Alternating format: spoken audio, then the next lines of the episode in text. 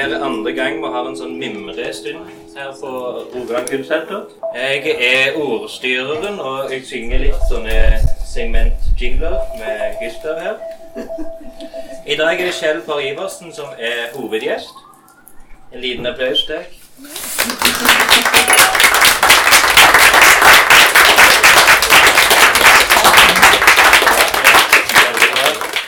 Og dette her er lunken rød vin. Og da setter vi i gang første jingle.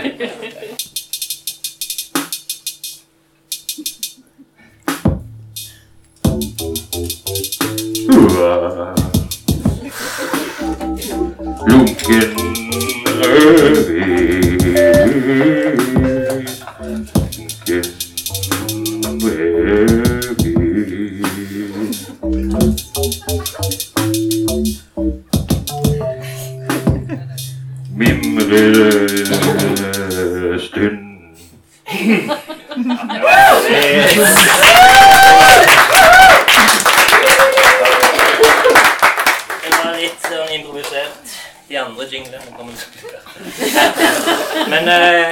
i tillegg til Kjell så har vi òg Berit Vatne, som eh, var her sist gang og har mye god historie fra alle år hun har levd. eh, og så Torunn Larsen er her, da, som eh, er programmerer. og ansvarlig på Rogaland Kunstsenter. Og Ingeborg Kvarme òg er med som eh, å ta tiden. Har- det skal være 45 minutter, og så pause, og en ny 45 minutter. Så Kjell Par Iversen, eh, velkommen. Takk. Jeg vet ikke hvor vi skal begynne, men jeg vil jo begynne egentlig i 1958, hvis det, hvis det er greit. Nei, for det som vi ser her, da For her har vi et bilde der det står 'Avantgardister i norsk kunst'. Og det er deg, Kjell, og Hugo Vatne som står og ser på en hane. Eller det er vel en skulptur til Hugo Vatne. Ja. Det her var vel helt i starten, av det første atelieret du hadde i ja, Stavanger? Ja, eh, det var på Skagen sammen med Hugo. Ja. Og i eh, huset 58 det var litt løgn. Jeg tror jeg leste det. Ja, altså, det var det året Jeg kjenner dessverre ingen her. ja, men desto bedre. Nei. Det er min feil. Ja, for det er jo litt interessant. Ja, Men, men allikevel, dette med år ja. Um, uh, I 1959 da tilsatte jeg på Vestlandsutstillingen. Ja, ok. Da var vel jeg eh, 20 eller 21-22. Det som har vært året før. Og den gang var Vestlandsutstillingen fem ganger på Vestlandsutstillingen. Det var betingelsene for å anmode, som jeg ikke kalte det for. Anmode om medlemskap i foreningen. Men fordi at eh, jeg var en god venn av eh, Andreas Bø, så slapp jeg med tre år. Det var ingenting som forandret. Eh, Så jeg husker godt fra den gangen. Det var altså utstillingen som eh, vi hadde sammen på atelieret. Mm. Det var òg noe som, eh, som ble tatt opp i noen gang nevnt i Kunstforeningen. Den gang jeg kom inn i Stavanger Kunstforening, da var jo Hugo medlem. Hugo var noen år eldre enn meg. De fleste andre utmerkede folk, som Sørheim, Fransen, Kristoppeland, Kolbad osv. Foreningen var vel ca. 20-30 stykker den gang. Og de var alle 10-15 år eldre enn meg i hvert fall. Og det var en vennegjeng.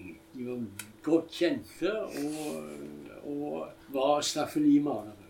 Og den fremtreden som de hadde på arenaen, det var enten gjennom Vestlandsutstillingen eller en juleutstilling eller en sommerutstilling. Ingen separatutstillinger av de medlemmene noen gang som jeg vet om. Før senere, når de fikk sitt eget galleri. Men den gang foregikk alt i Stavanger Kunstforening. Stavanger Kunstforening var en svær institusjon. Ja. Eh, like stor som eh, Rogaland eh, Teater og Stavanger Byorkester. Det var de tre. Ja. De delte uken mellom seg da. Var, altså, det var Trygge sa en av brukerne meg å holde vernissasjen om fredagen. Vi. Og de andre hadde da mm, premiere om søndagen, og byorkesteret den gang de hadde jo torsdagen fremdeles som sin. Og den gang var det altså en full oppkjøring i pressen. Det var det skrev forut om disse utstillingene. Uh, Vestlandsutstillingen var en enorm begivenhet. Det var selve krumtappen, eller, eller flaskehalsen. Skulle man bli medlem av foreningen, så måtte man gjennom den. Og, øh, og alt dette betydde jo, etter, sånn som jeg så det den gangen Og man har jo ikke noe annet nå er det mine, mitt inntrykk øh, vi snakker om. Ja. Det er altså ikke sannheten. Det er masse seg Og det var jo sånn at øh, jeg hadde vært på Akademi i København en stund og kom tilbake igjen til det som var det fryktelig kjekke maleri her borte. Det var et det var endeløse Stavanger-gater. Det var Når jeg sier dette på denne måten, så ligger det ikke noe, noe ned i det, altså. Og jeg så praktfulle bilder fra Stavanger av disse folkene. Mm. Og, og, utsikter fra altaner eller mot altaner innover litt Ryfylke og så Jæren. Det var et maleri som man mer eller mindre kalte for vestlandsmalerier det var en kompakt masse. Det var negativt. Ellers så ble det lagd innenfor massen glimrende bilder. Det var altså begynnelsen.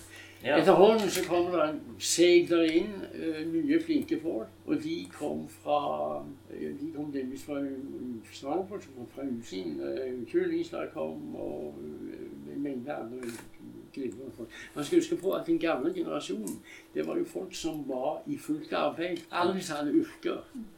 Altså Fransen var postbud, Berge var postbud, uh, Sørheim var sånn, Alle var postbud? de to det var jo, de gikk jo, sitt, de gikk jo omkring i sitt eget motiv. Ja. Og så uh, Sørheim var sånn leste av målere sånne strømmålere. Og, eh, og han Holtne var litograf. Og så var var tegner, og hun var, uh, var så heldig som meg og hadde koner. Eller kone.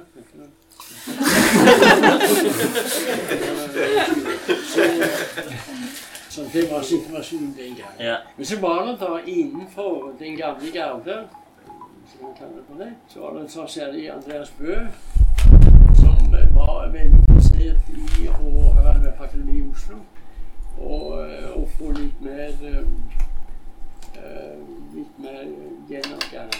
Uh, inn med nye folk og inn med impuls osv. Han gjorde en, en, stor innsats for det. Og det ble opprettet denne her um, studieatelieret. Og det er for så vidt begynnelsen til alt sammen. Mm. Og da begynte det å slå sprekker litt. Grann. Andreas Bøe ble jo abstrakt. Og det var ikke populært da, i veldig kretsen. Så kan jeg si det. Det er ikke så tullslinsaktig som sa. Men det var den gangen, og alt dreide seg da den gangen på 50-tallet, begynnelsen av 60-tallet om Stavanger kunstforening. Det var der man stilte ut og der var man i styret. Man hadde altså en adgang til ha så mange medlemmer i styret. Og det var folk som da Sørheim og Kolvald og Stokkeland og satt i styret. Og, var det der kunstskolen var? Ja, altså kunstskolen kom nok etter det. Men ja. så kom Husk på, det var ingen privatgalleri i Stavanger. Det var bare den. Jeg husker Evy Orthusen, som var skuespillerinne på teateret. Her, hun åpnet et galleri i uh, Kenya, uh, på, nede på stranden, Strandgarden, eller Nemokai. Og det ble ikke anmeldt. Verken, verken Ådnøy Aftenblad eller paradis i Rogalandsavisen. Alt skulle være Men husk på, Dette var jo i den tiden med kunstnerstyrte gallerier og med, med den politiske gangen som var da. Så det, det var en del sånne stridigheter. Mm. Det må det være. Nå vant jo etterhånden denne galleriindustrien mer og mer og mer. som man har et helt, et helt annet bilde i dag enn var den gang. Men som sagt igjen, denne ideen, dette, eh, hva heter dette her studiet, det ble jo en, en, en, en, slags krig om eierskapet til den. Nemlig hvem hadde kommet på den gode ideen? Var det han, eller var det han? Slik at det, så blir ansatt noen dansker som lærer, blant annet Gibskov osv. Galatius. Galatius, herregud. De var jo ikke da etter eh, liksom, normen her. Slik at det, det gled ut, ganske enkelt. Ja, det. Men allikevel, den overlevde jo, og så dukket opp igjen, og, og så ble det jo da mer og mer, og så ble det jo en, en kurs med Roland Lengård kom til byen. Det var jo en voldsom kraft. Kolossal mann. En, en uh, virkelig en imponerende type. Og, uh, og jeg husker den gang var Han ville gjerne stille i Stavanger kunstner. Den gangen var jeg formann i Stavanger Kunstforening, og det var òg uh, litt merkelig. Men det var jeg, altså. Og jeg leverte den til styret. Styret bestod da av ordentlige staffelimalere. som var meget tvilende til denne fuskeren. Da ringte jeg til Hugo, og i kraft av at Hugo snakket med en annen som han gjør, og så en til. Så kom han. Og så var det. Men som sagt igjen, det var, det var jo en spire Altså den ideen om å lage en, en forskole for akademier, det er jo da de som har vært på akademier, som disse Hugo, meg og andre. De visste jo verdien av det. Man kan ikke ta folk inn fra, fra gaten. Så det, det det hang sammen. Og så hadde man jo da heldigvis typer som Ellen Gryte og Hugo, først og fremst de to, ja. som, uh, som, var altså bærebjelker når det gjaldt dette miljøet, slik at de kom seg over alle disse uh, vanene som var ved å etablere seg her den gang. Og det ble jo da òg um, Gryte hadde jo mange flere. Han hadde bl.a. fordi han hadde vært i Oslo, selvfølgelig, ofte. Og så hadde han vært på Sogn, kunstnerbyen på Ekeby. Så mente han at man burde ha en tilsvarende på Marøy. Det var begjæring. Man skulle ha en, den gang en visning av noen av uh, fra Stavanger kulturkomiteen i Stavanger kommune. De skulle se på Marøy. Marøy var allerede et uh, et reservat for fugl. Det var et problem med en gang. Og så hadde LF kom fra Engøy. Han hadde båt. Denne båten det var altså en enorm livbåt. En kjempesvær livbåt. Den fortalte han uh, han hadde arvet etter kaptein Pedersen.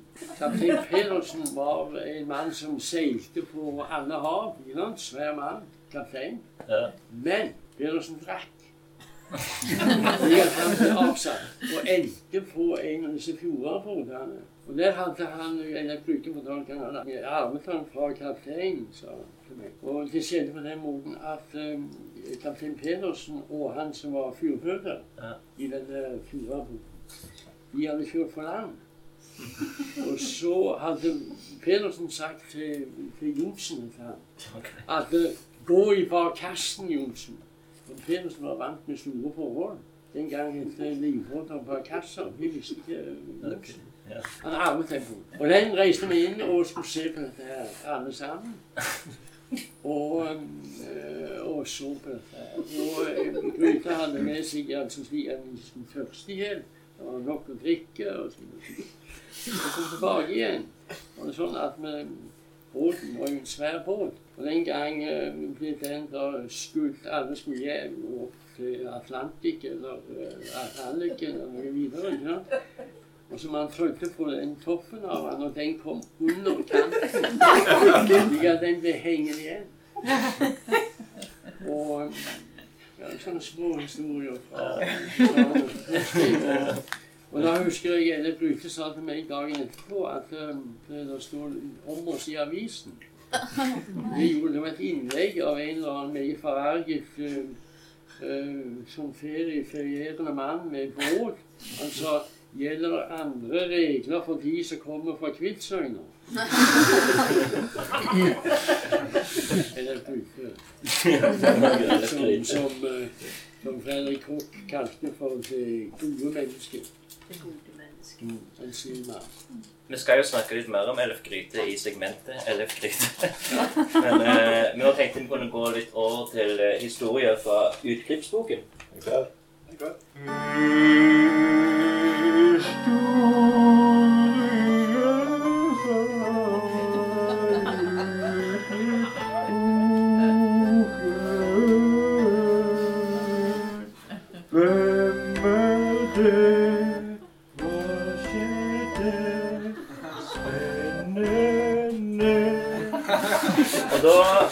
Stopper vi på Rogalands kunstnere på krigstiden.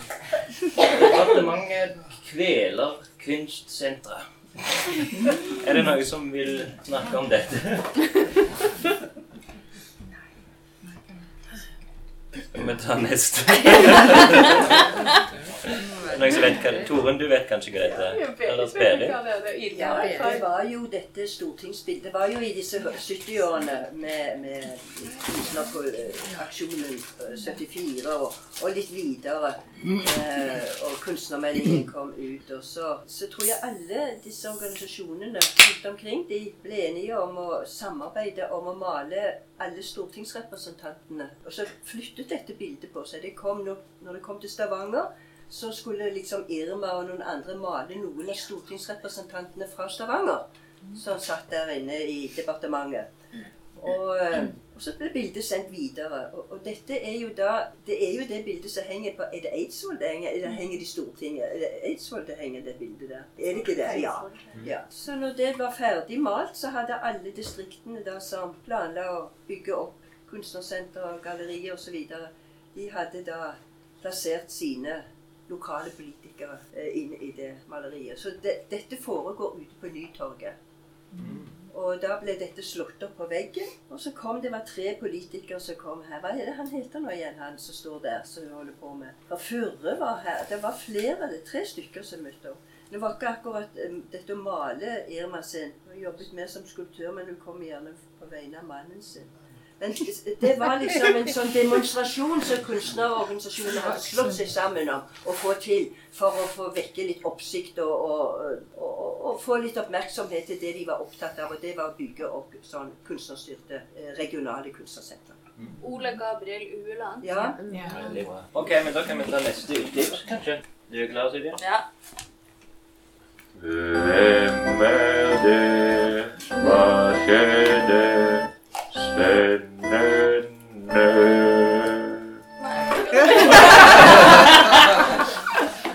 har Silje gjort en liten sånn Det var, det var et fint bilde. Jeg likte du går opp bildet. igjen. Ok. Her er dere på gulvet. Berit er iallfall der. Vi er på gulvet nede i galleri eh, BKF i Verksgaden. Ja. Og, og det er den daglige lederen fra Trøndel, Trondheim eh, kunstnersenter som sitter der. Og så er det Stenny Stornes i midten, og så sitter jeg vel ute på kanten der til høyre. Og så er det Hugo som sitter der.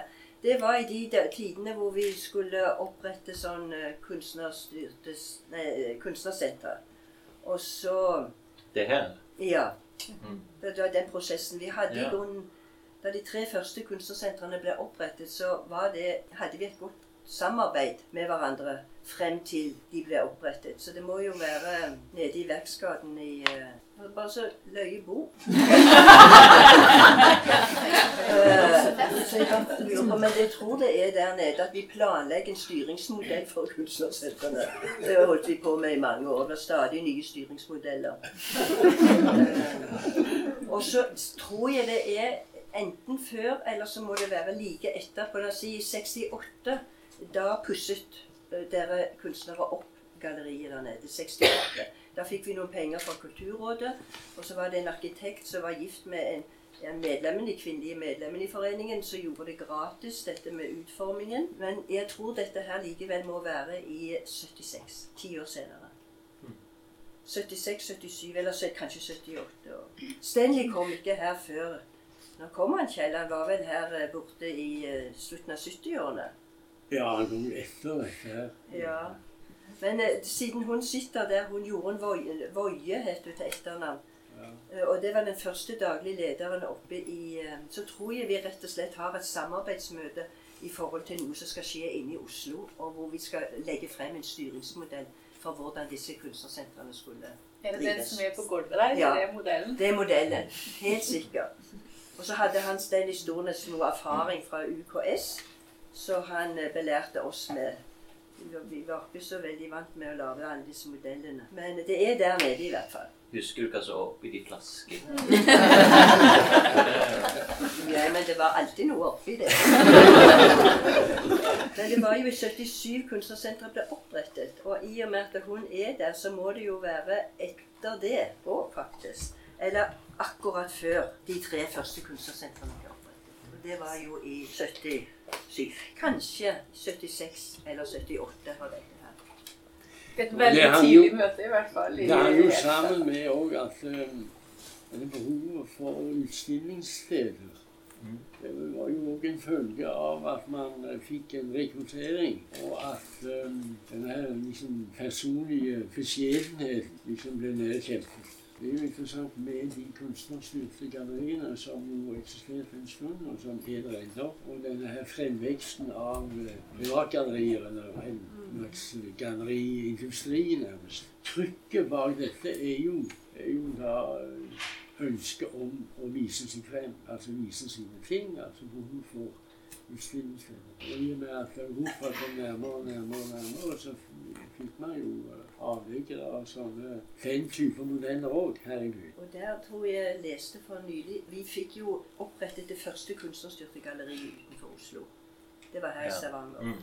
Og eh, UKS, hvor han var leder, Hans Stanley, de var veldig opptatt av dette her med å dra litt veksler på oss. For de sendte jo bilder ut. Og, så de kom med et forslag om at når vi endelig hadde fått dette galleriet, så skulle vi bruke minst to utstillinger i året til UKS-medlemmer. Og det hadde jeg helt glemt ut når jeg lyste det forleden her. Og det var ikke medlemmene her i foreningen eller i styret så veldig, veldig opptatt av. For der hadde de liksom slitt mye med det som Kjell har fortalt. Et sted hvor de kunne få vise kunsten sin. Og det var jo liksom, til å begynne med i hvert fall, veldig mye medlemsutstillinger. Kollektivutstillinger og separatutstillinger som medlemmene hadde i galleriet. Så det gikk nå bort fra det. Men det var et samarbeid med UKS, faktisk. For det er jo en sånn landsdekkende organisasjon, så de hadde jo medlemmer bosatt i Stavanger òg. Og, og at det da skulle eh, ja, være litt gunstig for deres organisasjon òg å, å kunne presentere utstillinger ute i distriktet. Og den monteren, Ja, den monteren henger jo også sammen med UKS. ja, var det ikke dem og- som på en måte starta? ja, det var, de satte opp en monter her i Stavanger utenfor Kongsgård skole, der med det gamle postkontoret eh, lå der. Det var fordi at foreningen skulle eh, plassere et bilde av en kunstner hvor som helst osv. Da var det jo stort sett eh, UKS sine medlemmer. Men noen av de var jo òg medlem i BKF, eh, som stilte ut i den. Og så etter hvert så overtok foreningen den, og det var Gryten, eh, Ellef Gryte, som var veldig opptatt av, av denne monteren. Og der ble det veldig dramatisk etter hvert. For den ble plassert foran der hvor vi hadde vårt første galleri, i Urgata, i 68, eller der på ja, 69 eller noe sånt. Ble den rett utenfor den nye Sparebanken, oppe på det, med alle de bankene.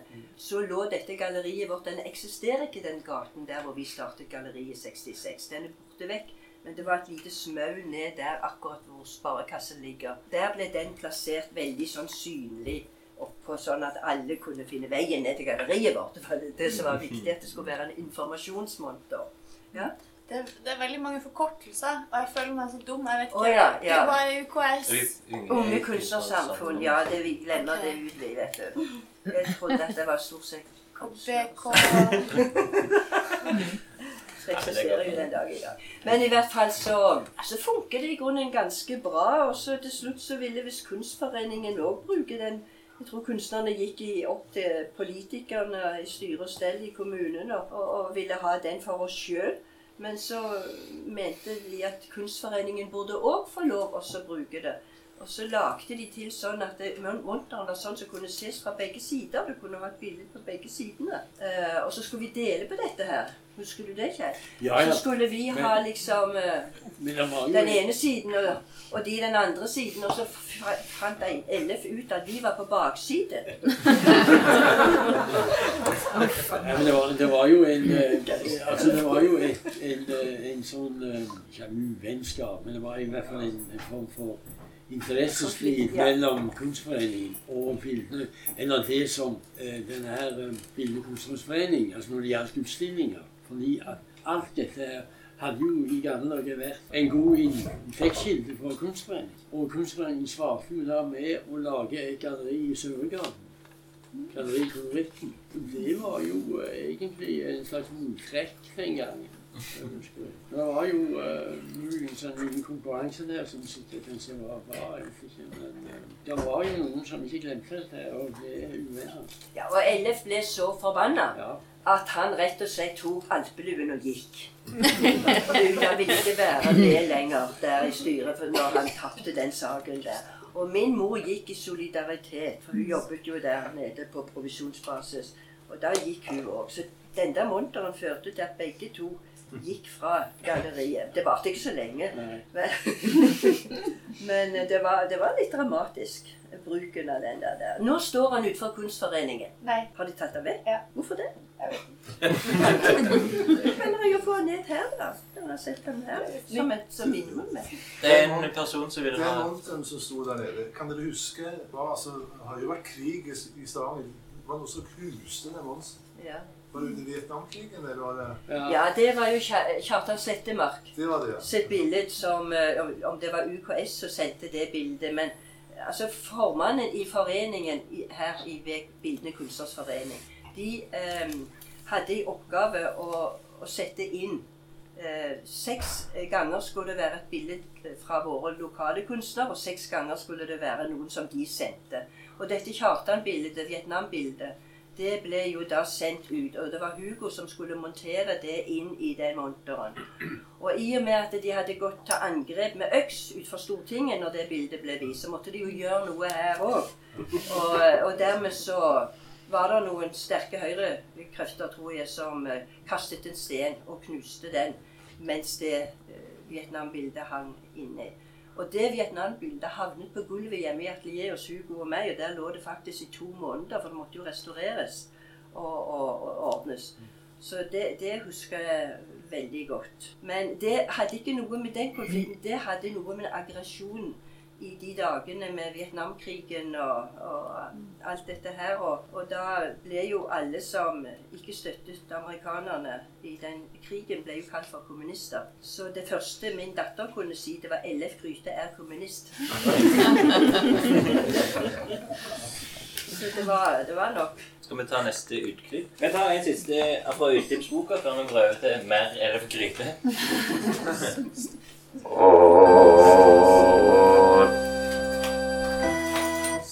Hvem er det? Hva skjedde? Spennende. Ja, og det er jo LF Gryte. Tre. Det var sånn kunstnerkarneval årlig her i Stavanger i mange år. Samarbeid med Rogaland Teater bl.a. Og Ellef Gryte har jo ikke kledd seg ut. Han er jo Ellef Gryte, sånn som han er. Men på hver side av han der er det to gryter som har og, og den ene er jo din bror, Kjell. Ja, Eh, og han andre, kan du huske navnet på den poeten? Han var dikter. Du som er fra kultur... Å ja, han, ja, Nordås. nei. Hva het Ja, han? Jacobsen, var det det han het? Ja, Var han det? Ja. Da var jeg god. Og så er det vel Hugo som er klovn, og så er det Helga Låke. Eh, som ligger over knærne til de tre Eller Gryte tredje. Tre. Jeg tror jeg faktisk at det er min søster som sitter og er Ole Lukkøye der. Så må det vel være meg da som sitter ved siden av klovnen. Men det er på Alstor. Det var årlig karneval der oppe. Er det noen andre som husker de karnevalene, forresten? Det var Det er helt. Gustav vil si noe. Hva? Gå ut på årstallet her, om du kan anslå det. Årstallet, ja. Ja, det er i eh, Det 70-tallet. Så Vi bodde på Stokka i atelieret, for vi hadde kledd oss ut der. Eh, og, og der eh, flyttet vi inn i 62. Jeg tror dette her er før 70. Dette her er i slutten av 60-årene. Men det er etter at vi har fått opprettet galleriet, Kjell. For det, det, var veldig eh, Vi hadde et godt samarbeid med teater og skuespillerne der oppe. Og forfatterne her i byen. Altså Bildende kunstners forening og forfatterne, musikerne osv. De prøvde å få til noe. Og da brukte de galleriet til sånn kulturkvelder eh, en periode. Og eh, Jeg tror faktisk at din bror òg satt vakt Han jobb, i, i, når vi hadde galleri. Slutten av 60-årene. Etter at vi har fått et galleri, i hvert fall. Og det var jo 66, så det må være helt i slutten av 60-årene. Ja, LF var jo en eh, sentral eh, skikkelse, særlig når det gjaldt å liksom Han var jo en glimrende lobbyist for alt det han fant på. Og var jo selv en, en, en meget dannet mann. Han ville jo ikke kle seg ut videre. Han fikk jo, han fikk jo denne her Mao-dressen. Ja, Mao-dress var det jo knapt. Men han fikk altså eh, en sånn uh, kordfløyeldress Jeg tror vi har bilder av den. kjøpt i eh, København. Skal vi lete etter Ja, kortfløyelsen? det var Den skal vi finne. Jeg tror Hvis du går ut av seg. Den gikk helt til fløyelen var slitt av, og så fikk han sydd ja, den det mangler den. Ja. Der. Det kan Der er Mao. Eh, Dressen. Det er dressen. Og dette er 17. mai ute på Stokka. eh, I atelieret vi hadde en årlig 17. mai-fest der. Og han holdt alltid tale. Og gikk opp på krakken der, og så talte han jo sånn at hele Stokka hørte det. Så de lurte på hvem den presten de hadde hatt på besøk på 17. mai var, som holdt alle disse talene. Hva holdt han tale om, da? Nei, det husker jeg ikke. Det var alt mulig. Ja. Ja, det var jo han eh, Jeg husker en annen gang jeg løp i den dressen. var jo en høy mann og meget tynn. Og jeg husker vi skulle finne en eller annen eh, som han kjente, og så kunne vi ha en flaske vin med. Og så var det det òg at han ville gjerne ha en som eh, leverer denne vinen i innpakket. Og da kaffet han av buksene, tok ned den og satte den inn. Stein. Han var en, en mange ting med elektronikken. kan Hvis det kommer i den rette konteksten, så er de morsomme. Ikke ellers. Han, Han eh, fant alltid et råd for alt. ja, han eh, Vi har lagt en liten jingle som heter 'Gryte eller gryten'. Så vi kan ta Er klokka Ja. Ok. Ehm, fem minutter igjen. Igjen. Ja, før pause. Det blir 45 minutter. Og han som kom sånn aller først, det var en elefgryte. Gryten Ja, men da, hvis du bare blar én ned, så kan vi snakke om det er rett gryte med hodet.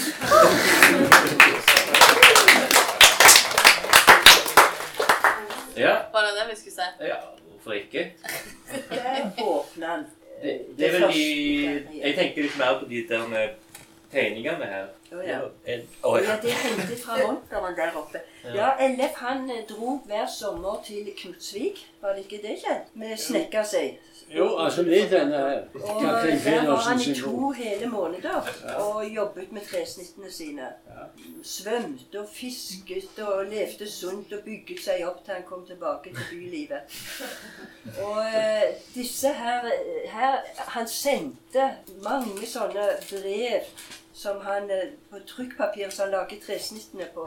Det som ble til over, så brettet han sammen sånn at det ble en sånn en trekkspill som du kunne trekke ut. Og der eh, illustrerte han med ting fra hva han holdt på med eh, der på Knusvik, og så skrev han. Han var så opptatt av galleriet og at alt skulle gå bra, og fulgte med, liksom, selv på avstand, gjennom den korrespondansen. Så det er vel derfor jeg kom ned med de her og, og kunne bruke de på denne utstillingen. For hele den monteren handler jo om Ellef. Han, han sendte jo sin selvangivelse på den måten. Ja. Han fikk, eh, eh, advokat Rekve. Familien hans drev jo svært eh, røkeri og bøkkeri på, på Engøy, så han fikk hvem som helst. Og han hadde jo et, en sånn residens inne i Ryfylke. Og så var jo Ellen seg han var kommunist. og ganske enkelt. Og så sendte han jeg en gang fra Atlantic. Klokken var ja, halv tolv antageligvis når man begynte å blinke med lysene. Så ringte Ellen for å skulle høre hva han gikk med selvangivelse. Ringer, jeg ringer Rekke, sa han til meg. Så ringte han Rekke og sa han, ja, jeg vil jo ikke forstyrre dem i arbeidstiden, Rekke.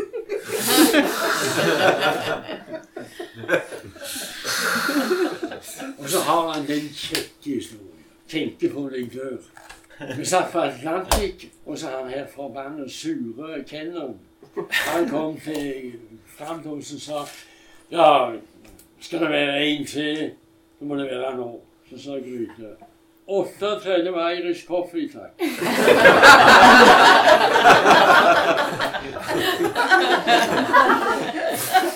Signerte regningene der fordi at han hadde fått eh, Jeg tror de hadde kjøpt en del av De hadde ikke kjøpt det, de hadde fått en del av kunsten hans når Atlantic kom. Det var et eller annet sånt. Så han kunne Han inviterte med venner og, og signerte. Var det ikke det han sa? Jo, han, var- han var en god venn av han eh, direktør eh. Ring. Det var mangfoldig. Men du vet at det var jo sånn han drev galleriet der til å begynne med. Han var jo gallerileder når vi startet opp eh, dette galleriet nede i Verksgaten. Og vi hadde jo ikke råd til renovasjon, og det var mange ting vi ikke kunne betale. Og han betalte med tresnitt. Betalte driften av galleriet med tresnittene sine. Det var utrolig raust. Og det var han som òg ville ha disse utstillingene som vi kalte for Den frie. Eh, disse amatørutstillingene for å stimulere de som liksom Ja, miljøer. Det var én gang i året, og det hadde vi flere ganger. Og sånn veldig åpen og eh, utrolig mye vi kan eh, takke han for. Og når det gjelder hele starten på det hele. Det brukte mye tid på det. Men da kan vi ta pause. Ok, da er vi på del to av lunken rødvin. Vi begynner Eh. Eh, vi begynner med en, et segment som heter Dagens protokoll. Gustav, jingle i det.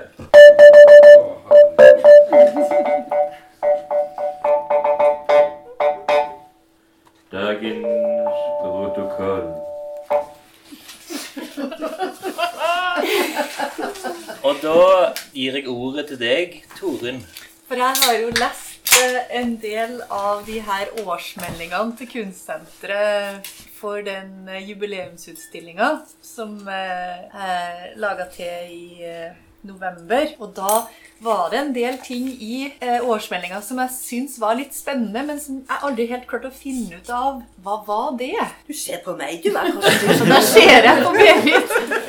For her var det altså utvalg opprettet av styret i 1984.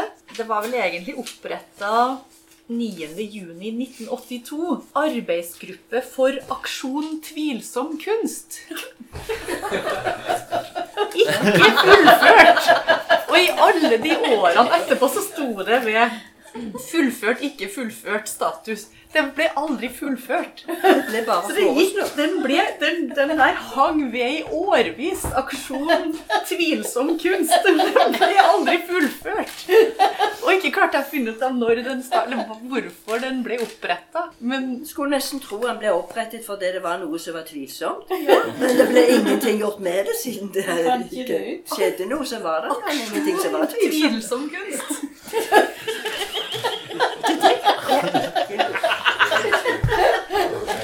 Er det jeg som skrev protokollen? Ja. Ja, men vi måtte jo ha referat, liksom. eh, Årsmelding med alt eh, som skjedde. Og... Nei, det er altså, jeg- jeg- vet du det, at jeg, det kan jeg ikke huske. Men jeg vet at foreningen drev jo dette kunstnerstyrte galleriet. Og de var jo veldig opptatt av det som Kjeller snakket om, å, å ha et tilbud til kunstnerne. Altså gjør, skape en grobunn her i Stavanger for at kunstnere skulle bosette seg og være med på ting. Og jeg tror nok at de var litt opptatt og rent sånn kunstpolitisk eller kulturpolitisk. Da. Og eh, eh, ivareta faget sitt eh, og, og sin virksomhet. Men jeg kan ikke huske det. Du husker så mye annet. Ja, men altså Det, det der burde jeg Altså. Ja, du er god. Jeg tror ikke Kjell heller. Eh, 84. Du var jo medlem av foreningen. og Jeg vet ikke om jeg var medlem. Gjorde du noe tvilsom kunst, tror du? Kjell? Altså, jeg, jeg, jeg, helt i begynnelsen av, eh, av på 50-tallet eller 60-tallet, begynnelsen der, så var nok i de, eh, i de ortodokse kretser av malerne her i byen, så var nok all kunst var lagd utenfor nord for Hillevåg eller syd for Stavanger. Det var tvilsomt.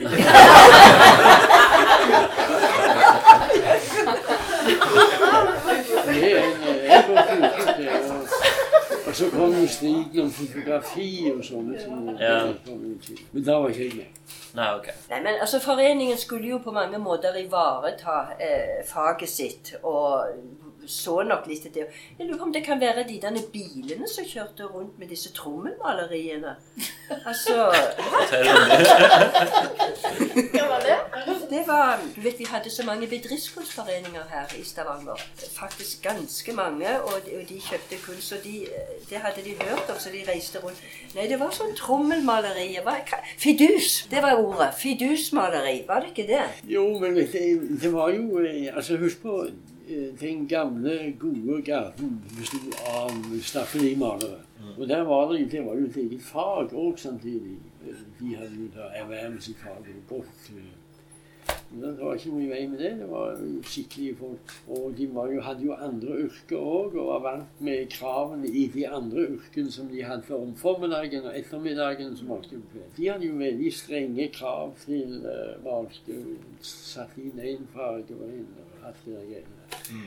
Og da når det blir liksom eh, Når blir alle trosartiklene klemt sammen til fire, så blir det og da blir det alt andre blir Man hører vegger dette ned, og dører går opp, og tak ryker av. Da blir man nervøs av situasjonen. Og det var begynnelsen. Og så det var etter krigen så var det sånn Så kommer alt det andre òg.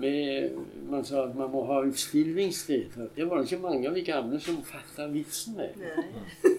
Likevel, man lagde jo bilder, det var poeng, og så snakket man med en venn, og han syntes det var godt, og så kom disse forbannede kritikerne, og, og så videre og så videre, og kalte det brun saus og sånn.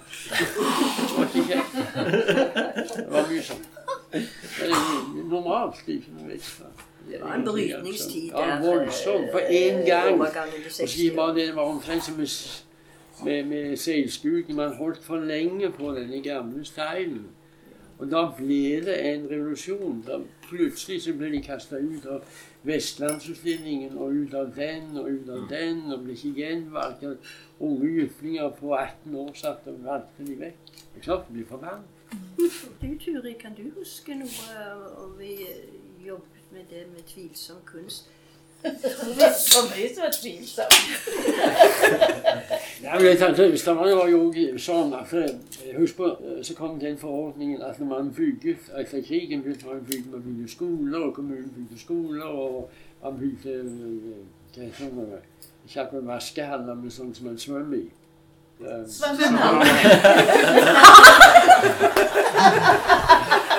Og da skulle man sette av noen prosenter til, å, til, til, til utsmykning.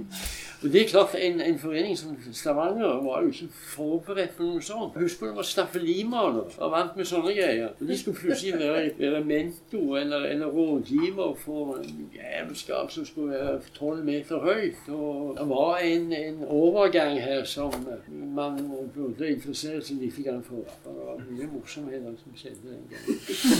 Men du, Kjell, det var veldig demokratisk. Alle skulle liksom få lov til å ha en utsmykking, og da ble det mye løye. Jo, men altså, det er jo det, det er mange kjekke sider ved demokratiet, og morsomme òg, antageligvis. Men det er klart det at eh, når en, en, eh, en smykkekunstner skulle eh, ja. et bygg på tolv etasjer, så blir det litt uh, tøvete. Sånne ting. Det var ikke mye av det, men jeg mener, det var òg en del av bildet den gangen. Og alle disse Fransen var en ordentlig mann, skikkelig mann. Det samme var god maler. Sørheim òg. Og han som jeg likte best, Sverre Ivan. En Mm, strålende mann. Hva det du sa heter? Sverre Ivan. Han er jo han er sikkert aldri hørt om. Men eh, Og andre òg flinke folk. Alle de folkene. Og for dette her Og han, eh, han Hofne, en uhyre elskverdig mann. Veldig der Det er en liten historie om Gryten. Man snakker om styremøter og sånne greier. Gryten ble, valgt antakeligvis mo- Jeg vet ikke om han, om man stemte blankt, men han ble valgt til formann i kunstforeningen. eh, I eh, Billedkunstnerforeningen. Den gangen var de der nede i det som Rogalands Avis var før. Og jeg var varamann til styret. Og det var meget ordentlige folk i styret. Og Slukkeland, Slukkeland Sørheim og, og, og Holtne. Og en, en, han som aldri ville være noe annet enn kasserer. Og han heter, jeg glemte han. Innerst inne der hadde Gryte en benk som han overnattet i. Og der kom jo disse inn fra Stavanger med det inn om kvelden. Og, og da lå Gryte til sengs, og så var bordet foran. Og så sa Grusen Jeg husker ennå han sa det jeg leder forhandlingene liggende.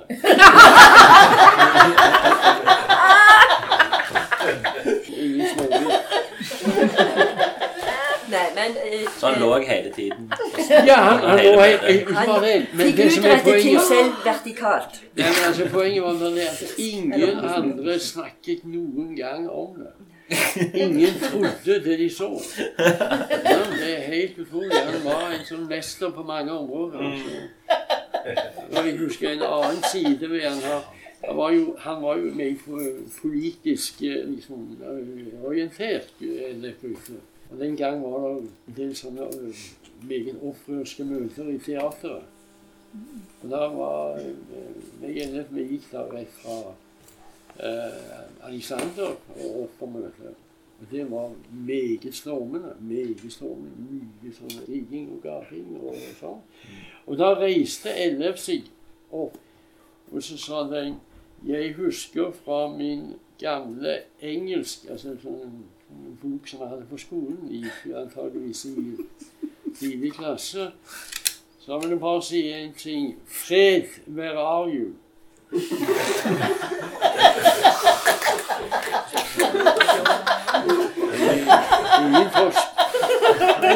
er jo, og minner jo òg om når han skulle inn til Oslo på disse store landsomfattende møtene, og hvor diskusjonene gikk så høylytt, og det var et så høyt temperament.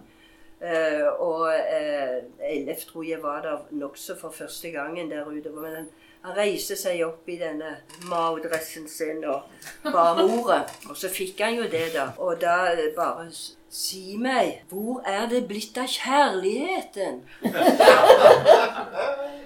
Er det ingen som elsker hverandre her?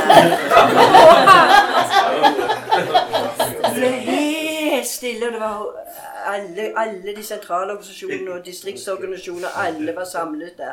Det ble helt stille. Det ble en behagelig pause. Han han trengte ikke gjøre mer enn akkurat det. Men når du tenker på den, den tvilsomme formidlingen Tvilsom kunst. Hva hva var det du sa? Tvilsom kunst? Tvilsom Ja, det, det, det var noe som lå i retningslinjene til eh, den kunstnerstyrte formidlingen. Man skulle unngå uheldig kommersialisering. Det husker jeg var en sånn frase som vi brukte. Det var, men jeg kan ikke skjønne det heller. Begriper det ikke. I 84. Det var jo en arbeidsgruppe for tvilsom kunst. Var det for, for at det skulle bli tvilsomt? Var det for å åpne døren for det? Arbeidsgruppe for aksjon tvilsom kunst. er det, går det hånd i hånd?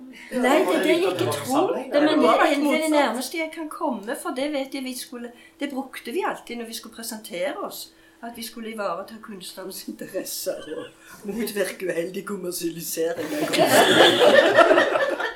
Jo, men altså, man, man, kan, man kan jo si at dette var en veldig sånn uskyldssituasjon. Delvis naiv, så i hvert fall en uskyld over dette. Vi kjenner til alle sammen. Disse herne, eh, historiene om LF Gryte de er uhyre uskyldige. Og jeg så aldri noe uverdig av den mannen. Men det er en, en slags uskyld, en drivfull mann. Husk på én ting til. Han er den eneste mannen jeg har sett som klarte å bukke og ligge. Han,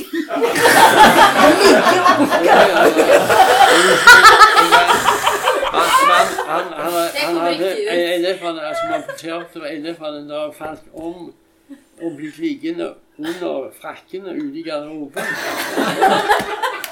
Og da, når de kom for å hente dette her, så sa jeg skal vi ikke gå nå? Så, så for, Han gjennomførte Gjennomførte Det er klart at han har, han har jo misforstått politikk i det hele tatt. Han er nesten så for god for denne verden. Ja, Men, eh, ikke helt. Nei, ja. Men han var jo, bodde jo i Oslo da i mange år før han kom til Stavanger. Han kom vel her sånn rundt eh, 1962. Han eh, vant konkurransen om utsmykking av eh, det som jeg kaller biblioteket, som var det før, men det er rådhuset i dag, da. Og der eh, er det han som har laget den store utsmykkingen i, i glass oppe på veggen, som dere har kanskje sett. Og det var i 62 han vant den konkurransen. Og det var da han kom og bosatte seg her og ønsket å skape et miljø. og Altså den, eh, den, eh, den, den der utsmykkingen, kunnskapens tre, den, altså selve monteringen, ledet han fra Ergen, fra Alexander, fra baren. Og det skjedde den måten at han her glassmesteren kom frem og tilbake.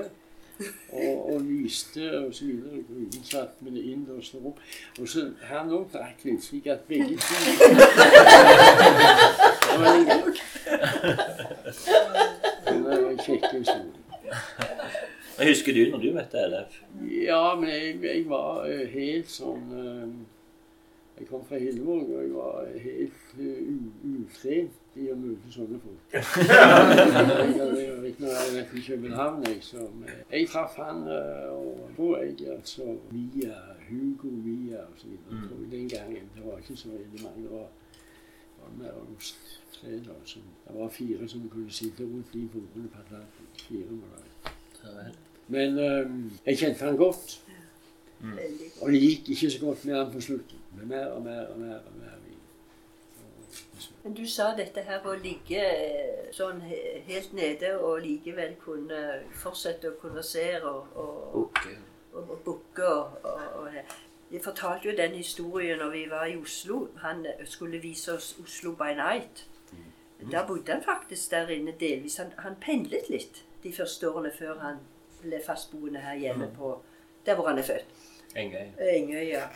Men da, da var vi en, en gjeng som skulle opp i eh, Presseforeningen holdt til der i Oslo et sted, oppe på toppen. Vet ikke om du, Kjell, har vært der. Men han skulle vise han tann, tannlegen eh, Duva Det var i hvert fall noen av oss vi skulle opp der. Og, og så gikk det heis nedenfra. Det var ikke trapper. Og så gikk det en heis, og når heisen kom opp der hvor Presseforeningen var, så var, åpnet døren seg inn til lokalet. Vi måtte bare ringe på en dør. Ringe på en bjelleklokke. Og så, så kom vi opp der, og, da, og vi, de hadde sikkert eh, Noen av de hadde sikkert skålt og vært lenge på byen før vi havnet der på Presseforeningen. Men i hvert fall så, så snuflet han LF over den der kanten ut av heisen. Så han ble liggende helt ned på gulvet. Og vi sto skulle oppleve Oslo by night. Vi sto da. Eh, og så kom åpnet de døren, og så lå han der og konverserte. Han hadde besøk fra Stavanger. Og de vil så gjerne oppleve Oslo by night. De slapp ikke inn. Så vi måtte ta det en annen gang. Han, nei, han var et, et fantastisk flott menneske, og han gjorde mye her for å skape den grobunnen som han var opptatt av å skape. Med humor og med energi og med kunnskap. og Altså Han hadde et, han var i det lagde sjøl et dilemma. Han gjorde mer og mer og mer og mer sin foreningsarbeid og mindre og mindre kunst. Ja. Og det var hva jeg holder imot ham. Ja. Jobba han på grafisk verksted, eller hadde han eget, Nei, han var, han eh, var, egen presse? han var ute av dansen. Han var, han var syk. Han var- De siste årene var han ganske Ja, han, skrøpelig. var, han, altså han var jo en, en mann for tresnitt. Han så skjære i langveden. Han har lagd noen gripende bilder fra er Flotte bilder, altså. Men um, det kom til et punkt Det samme gjaldt òg uh, Roland Lengau. Uh, kunne bli for mye av det andre, det som egentlig var mannens videre. Men derfor var det, tror jeg òg, at eh, han hadde disse månedene om sommeren på Knutsvik. Ja. Der tror jeg han fikk gjort veldig mye. Forberedt disse tresnittene, forberedt utstillinger. Han hadde jo eh, keramikk òg. Han lagde jo eh, skulpturelle ting. Eh, kunsthåndverk òg, faktisk. Og han malte. Men eh, jeg tror òg at eh, han ga veldig mye av sin tid til andre ting som kom, til gode, ja, som kom oss til gode. Helt sikkert at han Ja. skulle enig med deg, Kjell, at han skulle ha fått jobbet enda mer med Han laget jo en ganske stor utsmykking oppe på Distriktshøgskolen, som vi kalte det den gangen. Og da vant han en eh, konkurranse, eller ble plukket ut til direkte utpeking, det kan jeg ikke riktig huske, men det var i hvert fall i den store auditoriesalen. Men Ellef Gryte assosierer vi veldig mye med sauer, så han hadde laget da en utsmykke med masse sauer. Og det fant de ut at de kunne visst ikke ha der i det auditoriet hvor studentene skulle sitte og bli kloke. Var det Eller symbolsk? Var det symbolsk? Det ble for sterkt symbolsk at de kunne ikke si Ja, det høres helt sykt ut. Men eh, det var noe. Men han fikk et annet sted til utsmykkingen sin der oppe. Og den henger vel fremdeles. Så det var jo noe av det siste han gjorde, faktisk. Jo. Men Så eh, det var liksom noe alligevel som jeg var trist ikke han fikk gjort. Ja. Det han holdt på med ferdig, det å Vi prøvde å få en, en, i stand en, en minneutstilling om han i Stavanger til. ja, jeg fikk det. Men, men eh, det var altså en Det var ikke enkelt å få en eh, Man burde hatt en fagfolk mer eller mindre, eller en trent eh, kjente og gjøre Det ble veldig mye tilfeldig. Man fikk lånt inn bilder. der Han hadde fått bilder eller han hadde første til de bildene han kom. i. Men uh, det er mye etter han allikevel, heldigvis. Men, uh, men det kunne vært mye, mye mer. Så det er jo en slags LF Gryte-spesial, dette. Så, men eh, nå skal vi gå over til Er det ennå noen som skriver spørsmål til hatten? her? Nei, jeg tegner. Mye bedre. Men eh, da skal vi over til spalten Nei, segmentet. Lunkne spørsmål fra hatten.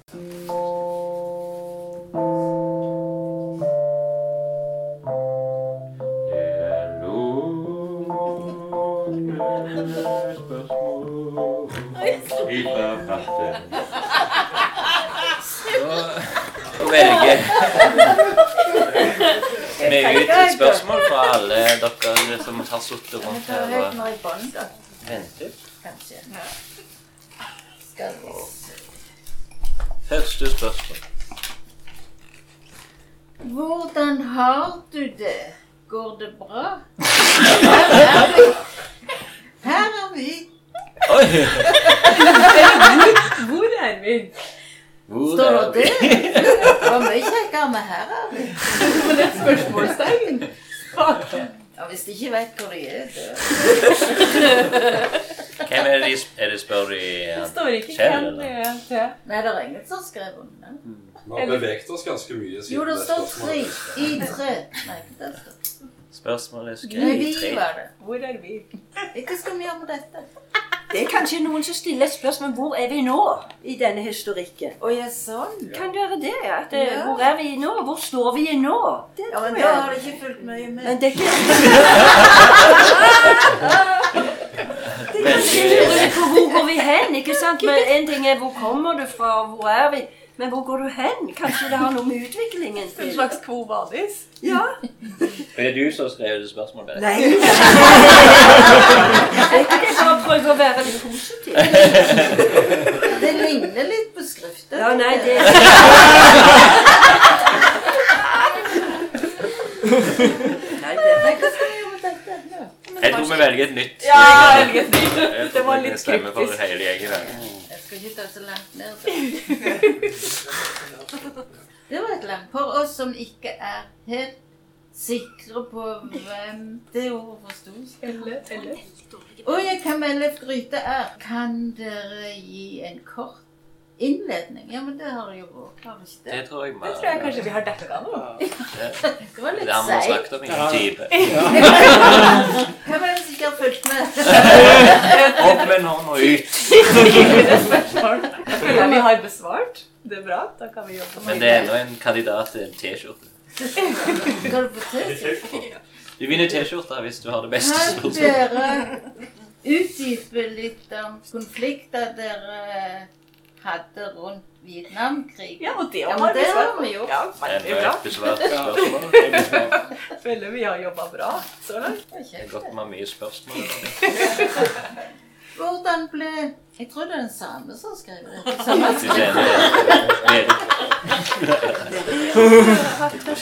Hvordan ble Atlantic-stemningen etter at Rettedal startet å henge der? Oi. Hva sa du etter at Rettedal? Startet å henge der på Atlantic. Henger han der? Ikke lenger. Vet du hva henge ute betyr? Frekventere. Frekventere, henge ut. Besøke? Ja.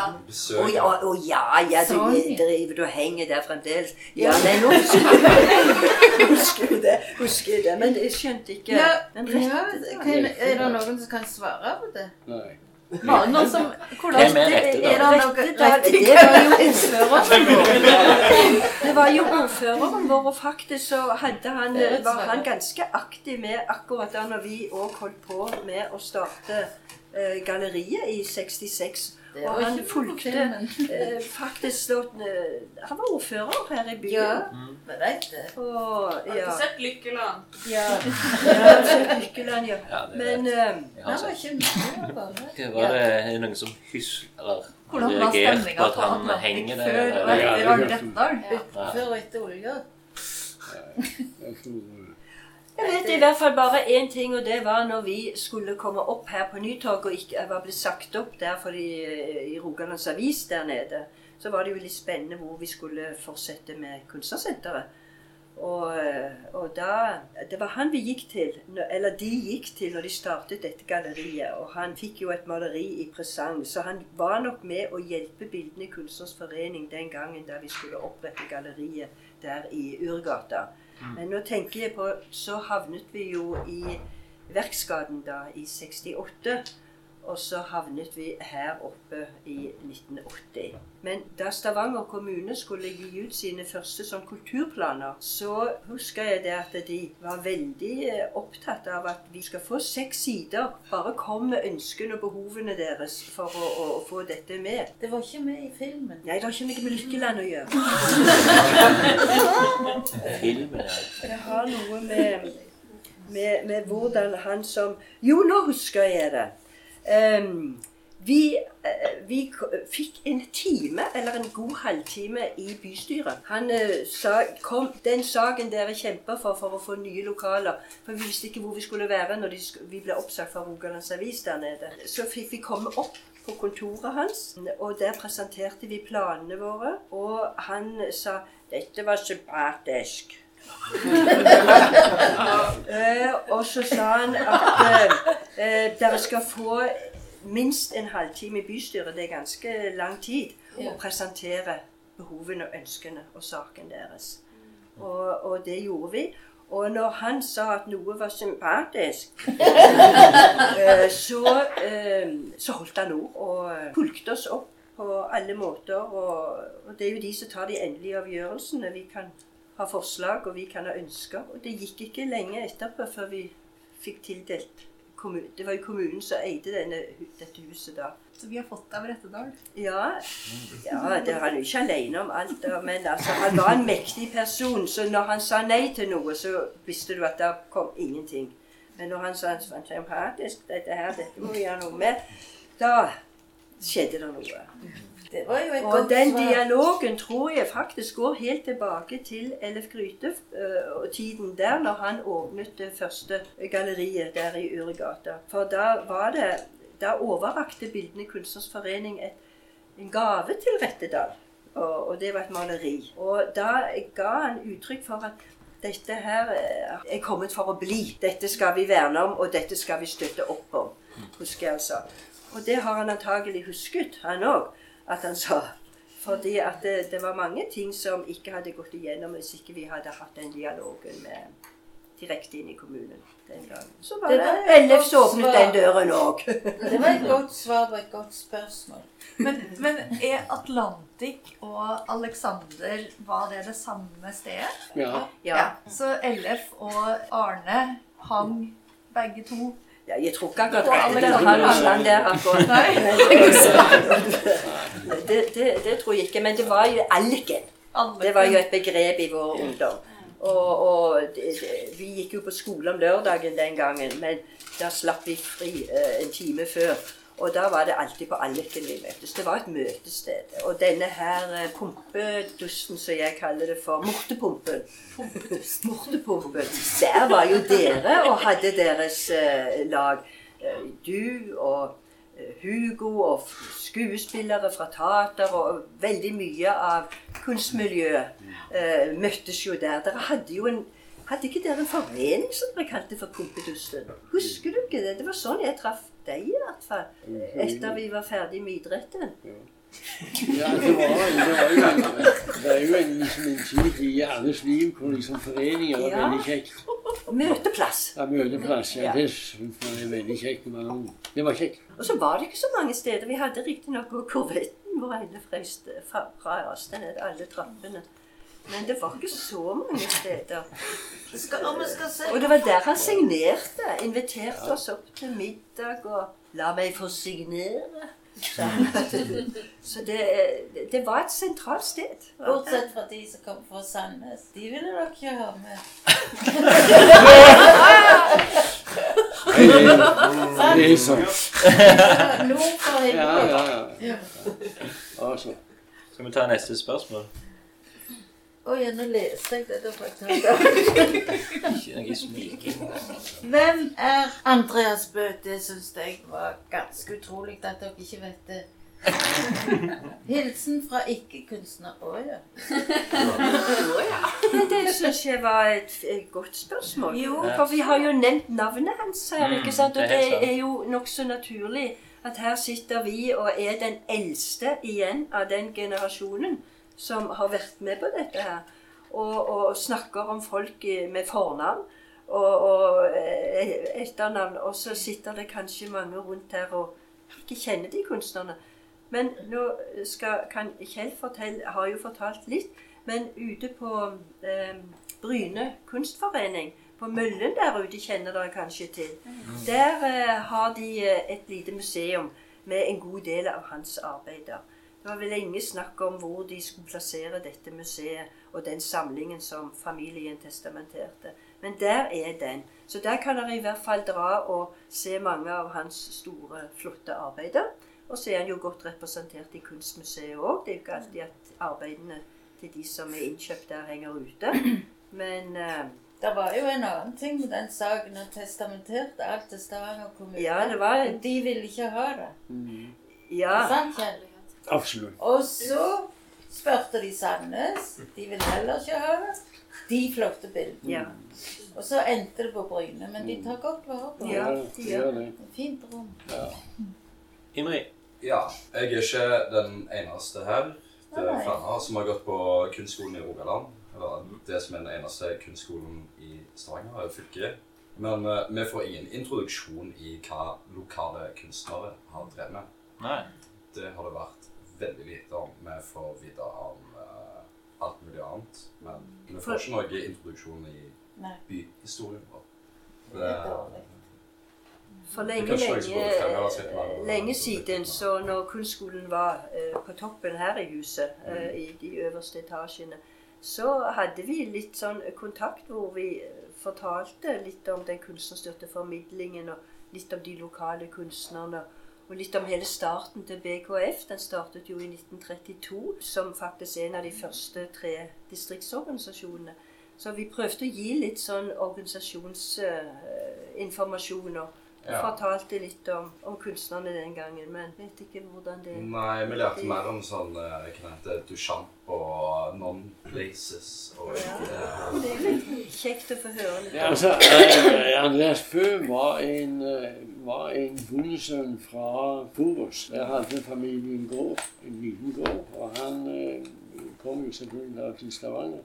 Og bodde i, mer eller mindre i, så lenge jeg kjente han fra, fra den samme alder, tror jeg. Museegaten. Ja, i museegarden. Han eh, begynte jo på samme vis som sine samaldringer, eller hva vi kaller det for, og malte jo da eh, det som han så omkring seg. Og fikk lyst til å gjøre eh, mer og mer og mer og mer, og han eh, laget noen veldig flotte eh, mosaikarbeid. Blant annet et som sto inne i eh, Bøndenes hus i Stavanger. En, en samler kom inn der.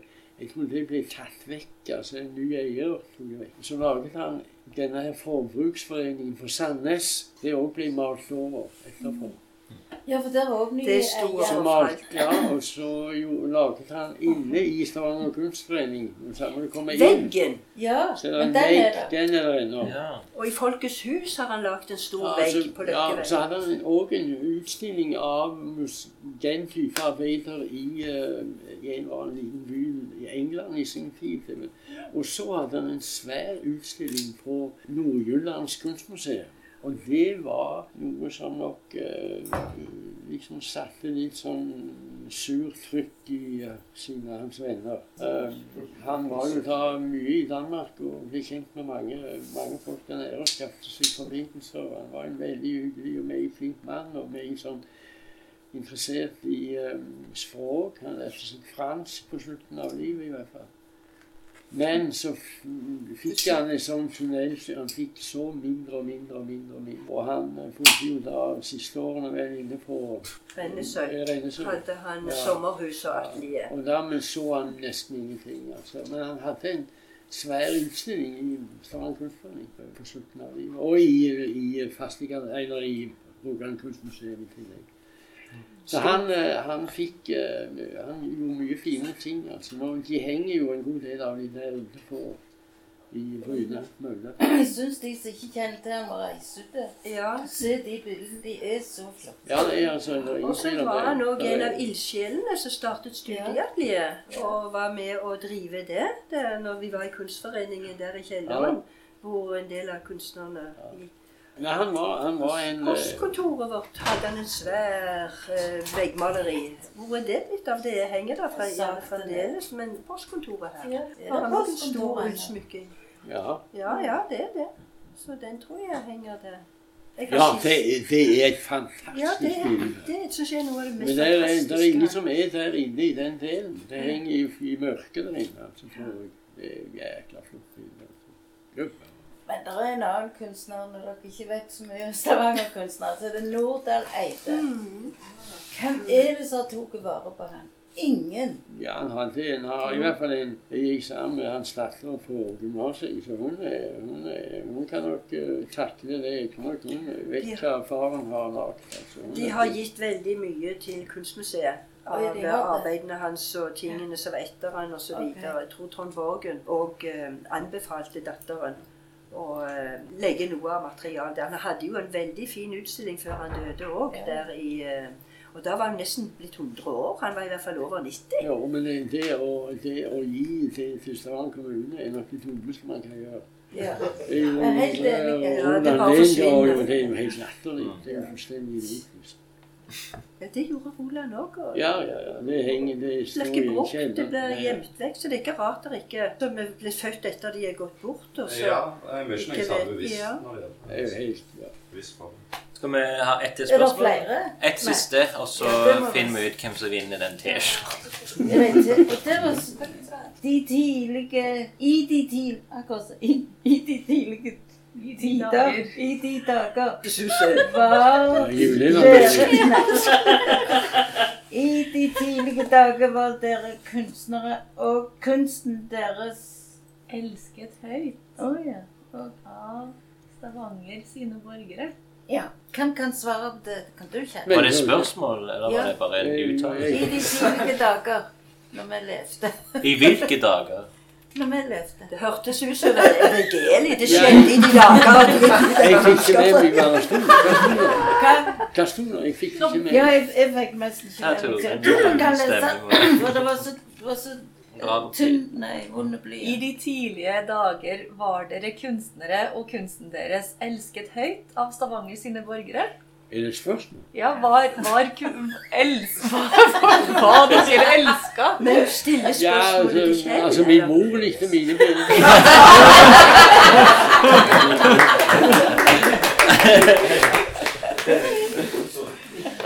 Ja, ja. Jeg tror faktisk på en måte at de gamle kunstnerne, og, og de, de, i hvert fall den eldre generasjonen, at det Jeg vet ikke så mye om den yngre. Jeg tror at det, Jeg husker bare det at den gang det var veldig mye strid i, i Stavanger Kunstforening, hvis man husker det. Da husker jeg det var et innlegg i Stavanger Aftenblad på en eller annen som retorisk spurte Det var sånn kommentar til det som hadde skjedd. Og så sa han det. Hvordan kan det ha seg at kunsten som har en sånn oppgeirende, forbedrende nærmest, oppdragende virkning for beskueren, har en så forrående virkning på han som gjør han? Det forsto ikke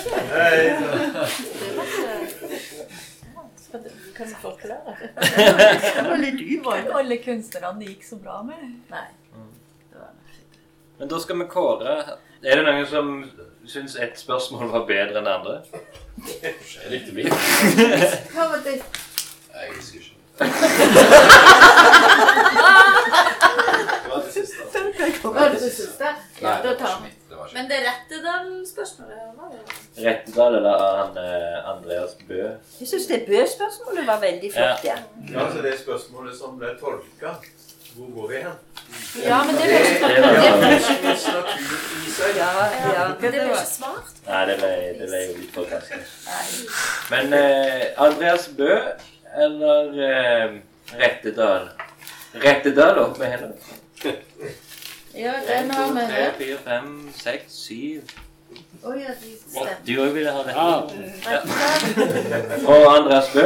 Én, to, tre, fire, fem, seks, syv, åtte, ni. Da er det er personen som har Andreas Bø-spørsmålet her i kveld. Kristoffer? Jeg spurte begge, faktisk. To T-skjorter til deg! Og da, da tror jeg vi bare si bare farvel, eller danne en utjingle. Og takk, eh, tusen takk Kjell Par Iversen. Takk Berit Vatne.